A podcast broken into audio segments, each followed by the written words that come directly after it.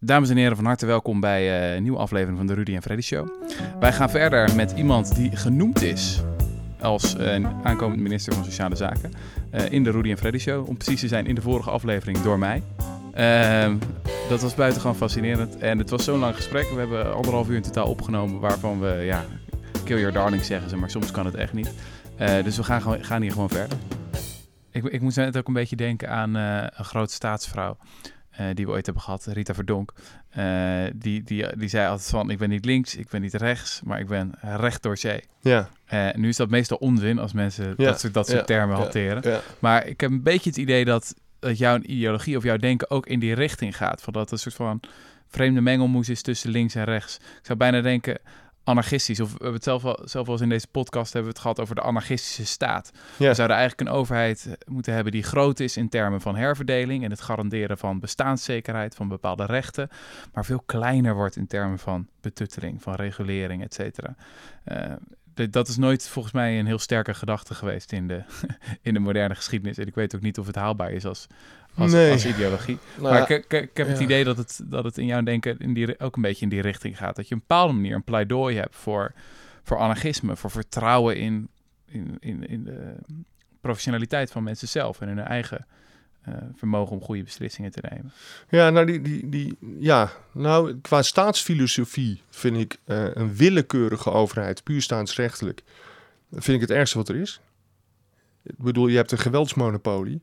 Ehm, je- je- een overheid mag met ons doen wat wij onderling niet mogen doen. Ik vind dat je daar heel voorzichtig mee moet omgaan. Geef eens een voorbeeld van willekeur. Nou, bijvoorbeeld ehm, iemand die ehm, krijgt te horen dat hij ehm, ehm, naar een verpleeghuis moet.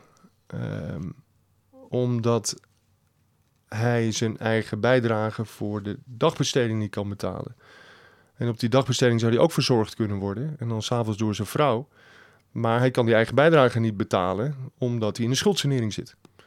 En dus sturen we hem naar een verpleeghuis. Die eigen bijdrage is een stuk lager dan die kosten van het verpleeghuis. Nou, dit soort dingen zie je eigenlijk continu eh, terugkomen. Mhm. Hè? Ehm, mensen die uit huis worden gezet vanwege allerlei redenen. Mensen die gescheiden worden van hun kinderen. Niet omdat ze slechte ouders zijn, maar omdat ze geen dak meer boven hun hoofd hebben. Dus u loopt nu met uw kinderen op straat. U zoekt naar een woning. Wij zorgen dat uw kinderen, die moeten in ieder geval veilig zijn. Die even in de pleegzorg. Ja, dan moet u maar later even terugkomen om over dat huis te hebben. Nou, dat, dat, dat is volstrekt... Er is niemand die dit wil. Mhm. Dus ik bedoel met willekeur dingen waar geen beleid voor wordt gemaakt, maar die toch gebeuren. Mhm. Dat zijn ongelegitimeerde... Maar het is besluit. ver- verkokerd beleid. Dus aan de ene kant zeggen we, we willen wel dat we, eh, dat we eh, kinderen eh, bestaanszekerheid hebben... of dat die niet van dak boven hun hoofd hebben. Ja. En aan de andere kant zeggen we schulden moeten betaald worden. Ja. En, die en twee, dat die twee zijn uiteindelijk tegenstrijdig. Alleen wij zien uiteindelijk al die tegenstrijdigheden niet meer. Omdat we zoveel van die regels hebben. En uiteindelijk krijg iemand vergeleken het laatst eh, bij mij een keer. Die was een ICT'er. Die zei als jij vier jaar in een ICT-project zit, dan komen er overal bugs. Dan heb je allerlei logica's naast Ja. elkaar gezet. Ja. En op een gegeven moment gaan er, ontstaan er allemaal problemen. En je kan niet meer voorspellen wat het is, maar dat zie je eigenlijk met al die wetten. En onze, ons instinct is, we gaan die bug oplossen. We gaan nog een plak duct tape erop gooien. Maar en mijn, en mijn punt is dat er is hier iemand nodig, een ambtenaar, een professional, een hulpverlener, die de vrijheid heeft en het mandaat om te zeggen, we gaan het even anders doen. We lossen het op. Ja. Eh, we trekken dit potje open met bureaucratievrij geld. Ja. We lossen even die schulden af. Ja. Gezeik voorbij. Ja, dat doen wij nu in veel gevallen. Vertel daar eens over. Dus we hebben... ehm, ehm, we helpen dit jaar 150, 200 huishoudens die echt veel meer problemen hebben dan ze kunnen tellen. En wij ook in sommige gevallen. En dat verschilt. Een heel, soms kunnen we dat in een uur verhelpen door een, een bureaucratisch knopje om te zetten. Of door een gemeente te bellen en zeggen, nou, u heeft nu eh, de kostenverdelingsnorm toegepast, u kunt het ook niet doen. Ehm, en dat kan namelijk, je hoeft hem namelijk niet toe te passen. ja. Ehm, maar in andere gevallen doen wij er ook twee weken over met een team van drie mensen om überhaupt te achterhalen wat er Ja. allemaal misge, eh, misgegaan is. Ehm, en dat duurt te lang. Dus wij hebben van ehm, eh, soms van filantropen. ehm, en, en soms, eh, als ik bijvoorbeeld een lezing geef, stoppen we dat geld in een pot. En daar kun je dingen mee fixen. Het is eigenlijk gewoon, eh, bijvoorbeeld als je zegt, nou ja, dit kind heeft nu per se heel snel een psycholoog nodig, maar er is een wachtlijst van een half jaar. Nou, er zijn wel psychologen te vinden in Nederland, eh, maar geen wachtlijst is van een half jaar. En je weet dat het kind veel verder naar de knoppen gaat als het een half jaar moet wachten en uiteindelijk dus in ernstige zorg terechtkomt. Maar dan heeft die gemeente net die psycholoog niet ingekocht. Nou, dan bel je zelf een psycholoog op en zeg je stuur een factuur en dan betalen wij het. Hm. Dat kan. Gemeenten kunnen dat ook Hmm. zelf doen. Dus de gemeente Zaanstad die loopt daarin voorop. Die hebben zelf een budget van drie ton vrijgemaakt. En de uitvoerende professionals mogen daar dit soort dingen mee doen. Hm. Heel interessant. Er zit een hele goede secretaris op. En die bel je op. En dan kun je buiten dat systeem om, zeg maar, eh, dit soort dingen snel fixen. Of een schuld aflossen. Mhm. Of een keer eh, een, een auto voor iemand kopen als hij dat nodig heeft. Of een kunstgebied of wat dan ook. Ehm, of de gaswater en licht weer, eh, weer aansluiten. We hebben wel eens een meneer gehad met, eh, met drie kinderen die al eh, zes jaar was afgesloten van gaswater en licht. Douchen zijn kinderen met een waterkoker, want hij hij had wel elektriciteit, geen energie meer. Eh, dat is onvoorstelbaar. En dan zegt iedereen met Nuon, in dit geval valt niet te onderhandelen. Nou, dat viel heel goed. Ja. Belt ze op en ze sluiten het weer aan. En dus soms is dat, is dat te doen, dit soort dingen. Maar in Zaanstad is interessant. Dus het eerste jaar eh, dat ze dat budget hadden, werd ongeveer de helft van het geld gebruikt om dingen te versnellen. Dus di- niet dingen die helemaal niet konden, maar om het gewoon in twee dagen te fixen in plaats van het proces van drie maanden. Ja. En dat is hartstikke goed, want dan leert zo'n gemeente ook, hé, het is dus niet dat het niet kan, het kan wel. Het kan ook heel snel. Mhm. Ehm, en bovendien is dat volstrekt gelegitimeerd uitgegeven. Dus als die gemeenteraad zegt, wij stellen een verordening vast dat dit maatwerkbudget ter discretie van de professionals is. En die professionals doen het ermee en die vertellen achteraf kwalitatief of ze verantwoorden even van nou, we hebben het hier en uitgegeven. Dan is dat volstrekt legaal. Dat kan helemaal binnen die verzorgingsstaat. Zou niet Mhm. gewoon vrijwel iedere overheidsinstantie 10% maatwerkbudget moeten hebben? Ja, Dat het minimaal. een soort van Ja, standaardregel is. ja. Ja, want ik vraag me af wat daar dan tegen Wat soms volgens mij fout gaat bij politie is, eh, en zo, is dat ze verantwoording willen. Ja. Ze willen weten hoe het is besteed en dat het rechtmatig is gebeurd. Ja. Ja. En, en, en zeg maar, die roep, oproep klinkt dan ook heel natuurlijk van... ja, tuurlijk, het is belastinggeld, we willen weten wat ermee is Ja. gebeurd. Maar wat je heel snel merkt als je in de praktijk zit... je kan die situaties niet voorzien. Je Nee. kan heel moeilijk achter de tekentafel of in Den Haag... eh, begrijpen wat voor, wat voor samenloop van omstandigheden je allemaal kan hebben. ja en, en, En maar die- dingen die in regels heel intuïtief lijken en logisch... die zit- blijken in de praktijk absurd. Ja, maar die, de, de, de waarde rechtmatigheid, of legitimiteit die er eigenlijk als waarde achter zit, de, de operationalisering rechtmatigheid, verhoudt zich niet tot die decentralisaties. Eh, Want het rechtmatig uitgeven van het geld kwam omdat een gemeente geld kreeg van de grote Rijksoverheid. En dat moest rechtmatig uitgegeven worden. mhm. Maar er zijn nog andere waarden in het spel. Namelijk, we willen ook dat ze het een beetje effectief doen of rendabel. Of het moet een beetje. nee, We willen wel graag dat het geld werkt wat we erin stoppen. En we hebben nog iets anders. Wij noemen dat betrokkenheid. Wat wil iemand zelf eigenlijk? Zullen we dat gewoon eens vragen? Dus eigenlijk, wij werken vaak met een driehoek waar dan rechtmatigheid in staat. En eh, geld. En betrokkenheid. Wat willen mensen zelf? Nou, wat is nou interessant? Als je een team wil scoren op die regeltjes, krijg je voor die gezinnen met veel problemen vaak een oplossing die 5, 6, 7, 8, 10, 15 keer zo duur is. En waar je hun eigen kracht volstrekt mee kapot maakt. Dus je trekt een gezin uit elkaar en vervolgens vraag je moeder om regie te voeren. Dat zien we vaak in de praktijk. Dus wij zeggen, als het zo is dat die extreme nadruk op rechtmatigheid, waar heel veel van die oude bureaucratie helemaal op ingericht is, als die tot belachelijke aanwending van belastinggeld leidt, en je maakt de eigen kracht van mensen kapot. Doe je eigenlijk ook niet wat jij in je gemeente in je verordening hebt afgesproken. Want in de WMO staat gewoon dat mensen recht hebben op eigen regie. Ja. En er Mhm. staat gewoon in dat we dat geld een beetje normaal moeten uitgeven. Dan moet je dus iets anders gaan doen. En dan zeggen we, zullen we dus een eh, 7 scoren op die regeltjes in plaats van een 10. Mhm. Is het nog steeds rechtmatig? Zul je zien ehm, dat het een, de geld een stuk beter besteed is. En dat die mensen weer kunnen doen wat die mensen willen. Dus, Want wat- dus heel concreet heb je het dan over... we hebben een probleemgezin waar zoveel hulpverleners omheen hangen. Daar geven we twee, drie ton misschien aan uit op jaarbasis. Ja. Dat gezin is kapot uit elkaar getrokken. Eigen regie volledig kwijt.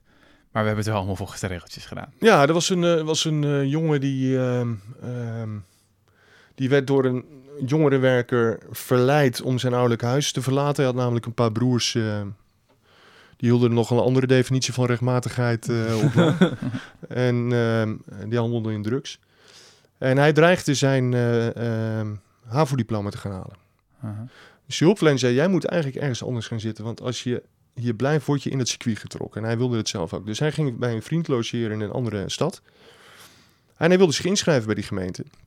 En die gemeente zei, ja, maar wij gaan jou hier niet inschrijven. Eh, want je hebt hier geen regiobinding. En ehm, als je hier gaat inschrijven, ga je een uitkering aanvragen. En we hoeven jou niet in te schrijven. Hier. Waarop de jongen zei, ja, maar als ik mij niet in kan schrijven, dan kan ik niet meer naar school. En kan ik überhaupt niet gaan werken of wat dan ook doen. En die ambtenaar die dacht wel creatief mee. Die zei, nou weet je, wij mogen jou inschrijven op een moment dat jij ehm, eh, twaalf nachten per maand in de daklozenopvang gaat slapen. Dan heb ik een titel in het systeem om jou hier in te schrijven. Waarop de jongen zei, ja maar wat ben je nou eigenlijk aan het doen? Ja. Jij biedt mij een Goeie vraag. ik heb op eigen kracht een dak boven mijn hoofd geregeld in mijn sociale netwerk. Ehm, en nou bied jij mij een ander dak boven mijn hoofd, namelijk de daklozen op. Maar ik hoef geen andere dak boven mijn hoofd. Ik wil hem hier gewoon inschrijven. Dit produceert het systeem. Waarschijnlijk gaat die ambtenaar bij, bij eh, de basisadministratie die hij moet inschrijven, weet helemaal niet van die geschiedenis. In sommige gevallen is er ook van alles voor te zeggen dat ze dat niet weten en dat het ook goed is. Maar als je met die ambtenaar gaat praten en je zegt, nou luister, jij wil nu een 10 scoren op die regeltjes. Met als gevolg dat je met een dakloze opvang stopt, die inclusief verplichte psychische begeleiding 2200 euro per maand kost. En je maakt zijn kans om zijn school af te maken, reduceer je met 80, 90 procent. Als jij denkt dat iemand vanuit de dakloze opvang even op zijn Jan Boerenfluitjes zijn diploma gaat halen, dan heb je nog nooit de dakloze opvang van binnen gezien. Ehm, zullen we het eens anders doen? Zullen we hem gewoon inschrijven? Want dat mag volgens de wet. Er staat nergens dat het niet mag. Ehm, en dan hoeft hij niet die dakloze opvang in. Bespaar jij 2, 3, 2400 euro. Geef je hem een jongerenuitkering van 680 euro. Kan hij zijn huur van betalen. Kan hij zijn diploma afmaken. En dan kan hij daarna aan het werk. Dat is namelijk precies wat hij Maar wil. dit was dus weer een geval van het mocht wel, Ja. maar hij deed het niet omdat hij bang was dat hij... Nee, waarschijnlijk ehm, is dit iemand die helemaal in die beleidsregels zit. Maar hoe halen we mensen daaruit? Daar ben ik nou zo nieuwsgierig. Moeten we een voorlichtingscampagne beginnen? Moeten we, een, we moeten we met de zwarte vlag naar het Malieveld weer gaan? Hoe- Want het, als het dus niet de regels... Ik bedoel, dat, in die veronderstelling verkeerde ik tot voor kort nog. Ken de Verander gewoon de regels. Ken de wet. Schaf regels af.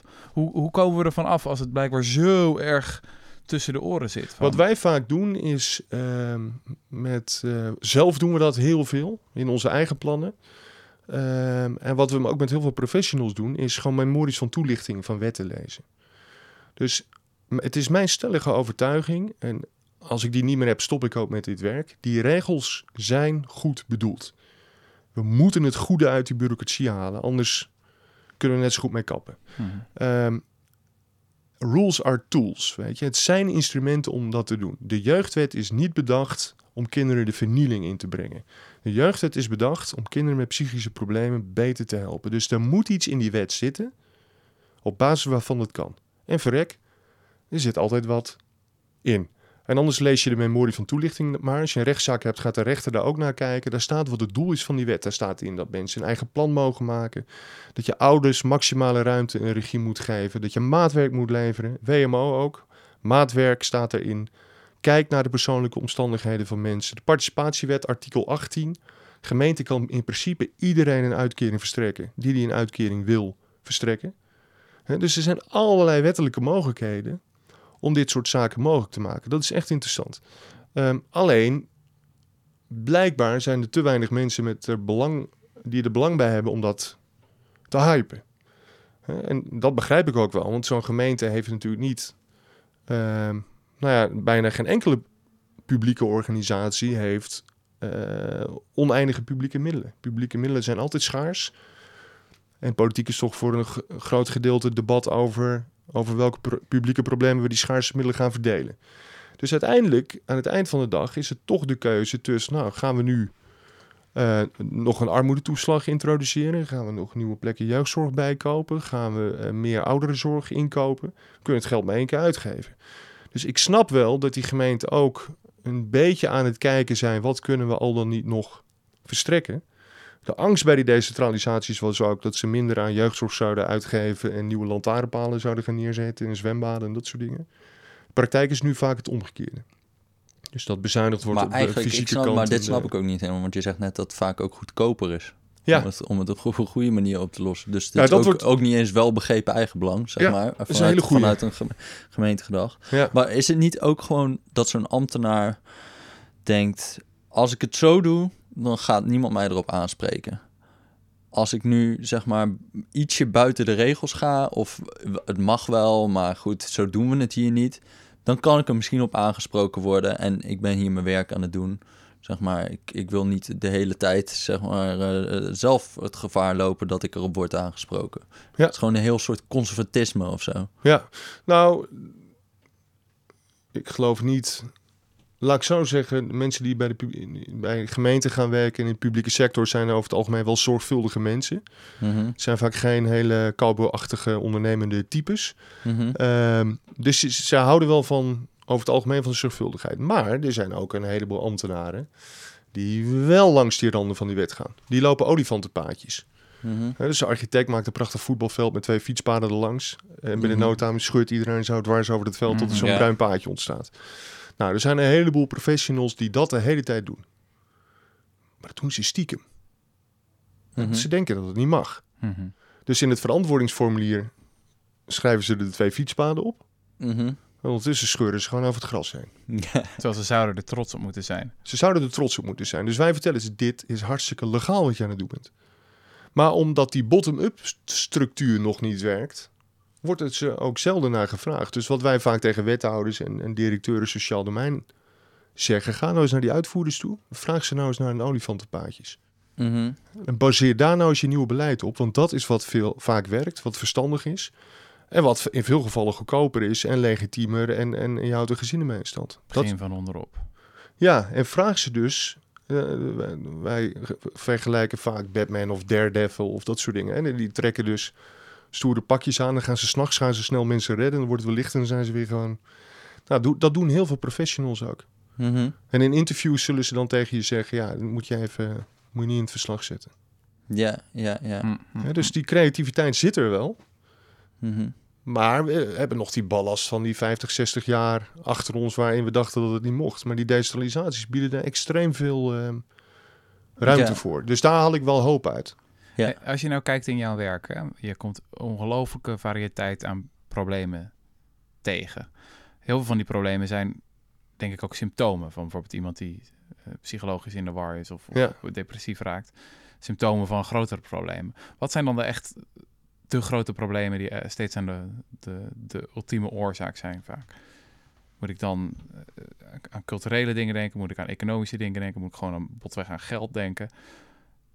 Wat zijn de grote Nou, problemen die we moeten aanpakken? maatschappelijk op dit moment vechtscheidingen. Is het land gewoon niet op ingericht. Dus we zitten nu al op 30, 40 procent van de stellen gaat scheiden. Ik geloof nog een, veel een heel groot percentage na hun eerste kind. Nou, als je kijkt hoe een gemiddelde Phoenix-wijk is ingericht. Daar zijn niet heel veel huizen waar één ouder kan wonen. Hè, Dus we hebben gewoon echt hoe we onze steden hebben ingericht. Ga maar eens met een gemiddeld wijkteam een dagje meelopen. Mhm. En eh, ah, nou, kijk hier in Amsterdam. Stel jij eh, verdient met z'n tweeën modaal. En je gaat scheiden. Ja, Dan gaat een van de twee niet meer in de stad wonen. Ja. En dan gaat dus een van de twee niet meer eh, co-ouder zijn. Want je gaat niet je kinderen vanuit Lelystad elke ochtend naar Amsterdam. eh. dat is echt een probleem. Dus we hebben veel meer, daar hebben we veel meer plekken en dingen voor nodig. En daar ontstaan vechtscheidingen. Dat vind ik één. Twee is ehm, jongeren zonder startkwalificatie. Dus dat, dat, die hele theoretische leerweg onzin zou ik bijna willen zeggen. Het hele akkoord van Lissabon, waar we allemaal zo een beetje eh, op toch veel gepromoveerde halve garen moesten worden. Ehm, dat heeft de samenleving eh, mooie ambities gebracht, maar er droppen extreem veel jongeren uit. Zonder startkwalificatie, zonder zicht op een baan, die eigenlijk tot een achttiende te horen hebben gekregen: je deugt niet, je deugt niet, je deugt niet. Ja, dat is echt een misstand. Ehm, want wat gaan die jongen doen? Die gaan niet deugen. Ja. Hè, Dat, kun je op een, eh, dat kun je uittekenen. Er zijn ook jongeren die heel weinig redenen nodig hebben om niet te deugen, maar dat is een andere categorie. Ehm, dat, vind ik, dat vind ik twee. Ehm, drie. Toch denk ik wel ehm, pure doorgeslagen eh cliëntdenken in Nederland. Eh, ik, ik spreek vaak met cliëntenraden die zeggen dan van nou, eh, ik heb gewoon recht op een traplift. Hoezo? Waar staat dat? Wijs me aan. Als je ergens recht op hebt, staat het in de wet. Nou, dat staat er in veel gevallen niet in. Dus wij, ik, heb, ik, ik denk echt dat wij, als we ergens niet weer herstellen, kapot gaan aan dat cliëntdenken. En natuurlijk heeft die overheid dat deels gestimuleerd. Maar je bent geen klant van de overheid. En iedere traplift of voorziening die jij wel krijgt, gaat in potentie ten koste van de voorziening die jouw buurman niet krijgt. Dus dat dit van ons is, met z'n allen, dat realiseren we niet. Want we goed. gedragen ons allemaal als boze klanten bij de klantenservice van de Mediamarkt. Die zeggen, mijn product werkt niet. Ja, maar da- Ik hij, heb hier recht op. hij doet het niet. Stel je nou voor dat, ehm, dat in de gemiddelde wijk, dat wij zouden zeggen, nou ja, er zijn hier nog tien trapliften eh, te verstrekken. Eh, vorig jaar waren dat er twintig, maar het geld is op. Maar als jullie ze onderling verdelen, dan kunnen we bezuinigen op de ambtenaar die dat moet doen en dan mag je er veertien verdelen. Mhm. Ik geef je op een briefje dat ze in geen één wijk zeggen, dat doen we. Want we kunnen dat. Want dan moet ik aan mijn buurvrouw bij de Albert Heijn uitleggen dat jij hem niet gekregen hebt. Ja? Dus, dus wij zijn niet meer gewend om met z'n allen het schooltje op te richten. ja. En daar kom je dus niet uit. Want hoe meer wij van die overheid verwachten dat het een individuele service provider is, hoe meer we erin teleurgesteld raken. Dus we zitten, wij zijn de oorzaak van het wantrouwen in die overheid. Ons verwachtingsmanagement als demos is niet op orde. Heeft die overheid zelf ook meegedaan? Uh, maar er wordt mij net iets te vaak gezegd: de overheid deugt niet alsof wij daar als samenleving verder geklap mee te maken hebben. Het is Ja. gewoon pure representatie van onze eigen ziel. Om maar eens wat eh, zwartgaldig neer te zetten. Mhm.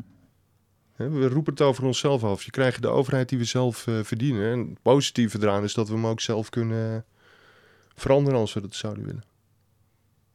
Merk je ook van, ehm, als je het bijvoorbeeld hebt over, we geven enorm veel uit aan zorgkosten. Eh, ik hoorde je een voorbeeld geven van ehm, iemand die eh, bij een psycholoog komt of zo. Dat, dat de wortel van het probleem gewoon, eh zo, zo- waar je Bestaanszekerheid is. gewoon de bestaanszekerheid is. Waar de ver- ver- verzorgingsstaat aanvankelijk over ging. Gewoon mensen tevreden te geven, enigszins stabiel minimuminkomen.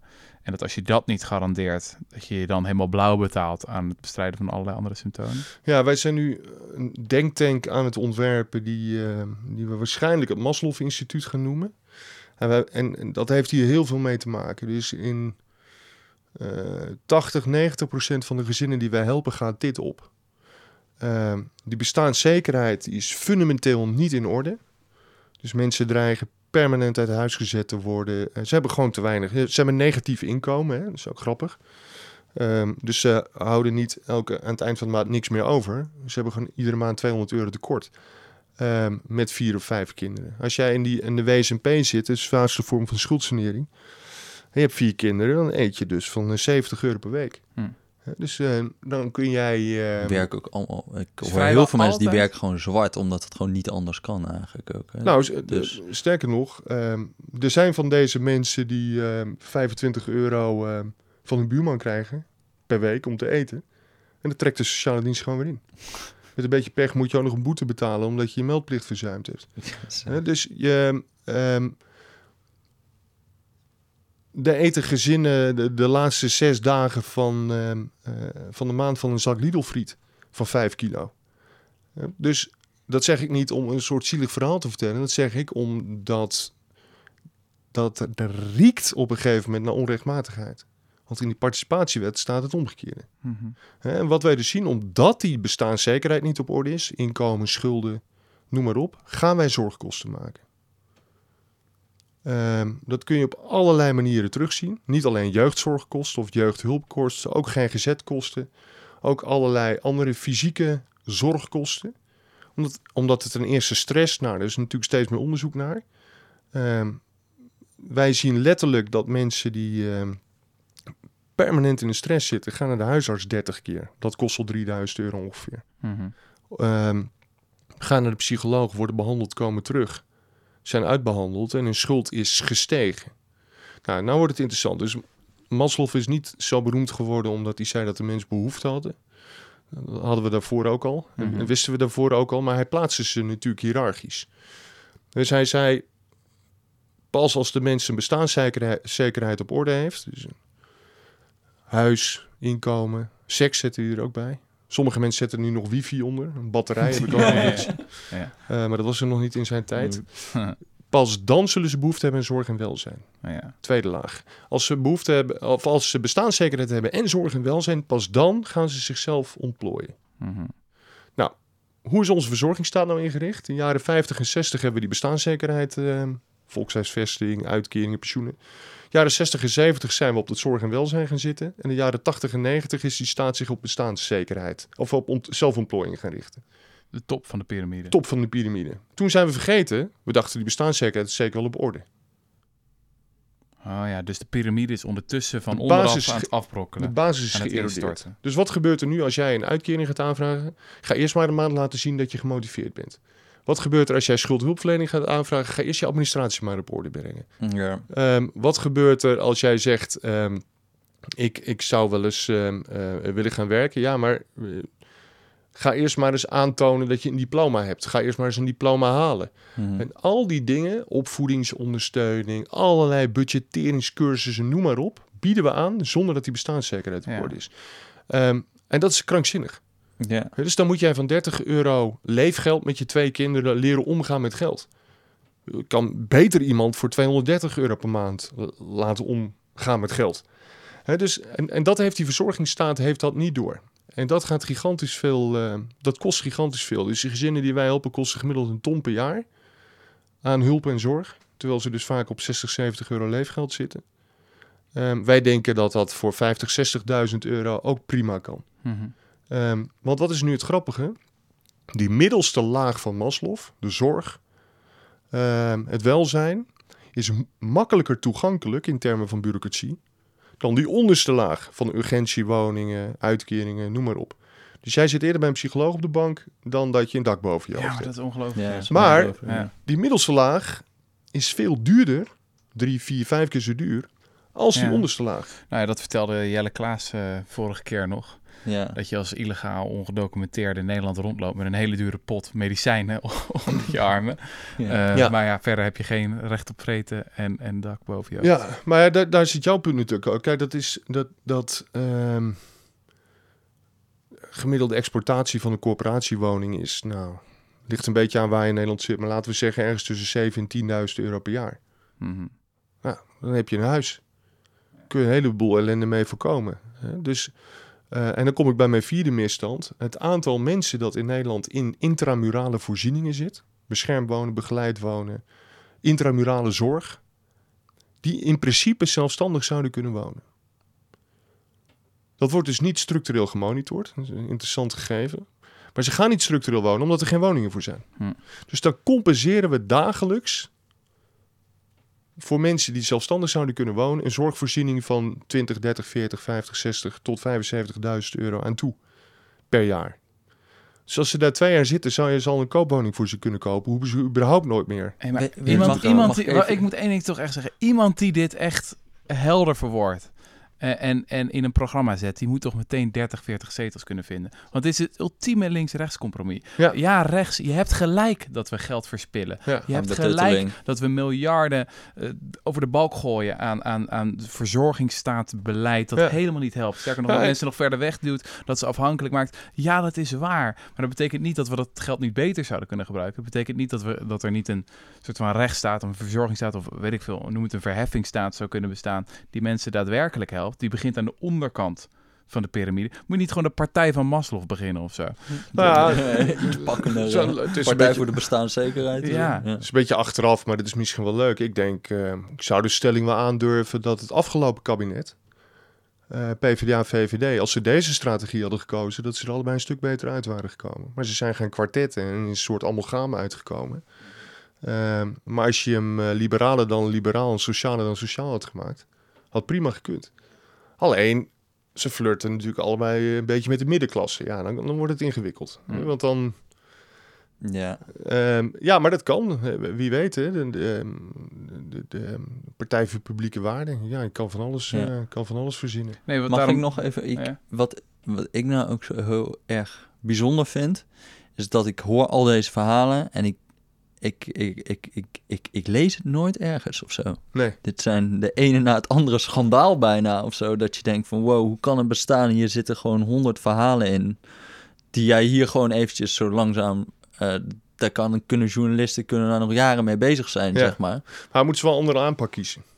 Ja, want, want kun je daar iets... Want ik zit, ik zit, ik heb hier zelf ook nu... Zit ik er ook wat meer over na te denken en zo. En ik open ook af en toe de correspondent en ik denk van... Oké, ja, weer een verhaal over eh, Afrikaanse Ubuntu-filosofie... of weet ik veel wat voor, wat voor abstracte verhalen... Mhm. er dan bij ons op de site staan. En dan denk ik, ja, verdomme, kunnen we niet wat meer over dit soort concrete dingen schrijven of zo? Eh, en ik mis dat eigenlijk ook bij, bij kranten. En dat is vaak iets minder dat ze de abstracte op, ka- kant op gaan, maar dat het zo particulier is dat het nergens voor staat of zo. Dus dan heb je een schandaaltje, maar niet de structuur blootgelegd. Ja, En wij hebben zulke abstracte verhalen dat het nergens meer over gaat. ja, En daartussenin, zeg maar, wat jij vertelt. Dus het gaat over wet en regelgeving. Het Ja. gaat over intramurale zorg. ja. Ehm, maar daar, daardoor komen mensen echt in de problemen. En daar kan je zoveel, zoveel hoop ook bieden door die problemen uit te leggen. En, en uit te leggen dat er oplossingen zijn, dat het niet nodig is. Ja, nou wat je, wat je, ehm, je moet je in ieder geval jezelf de tijd gunnen.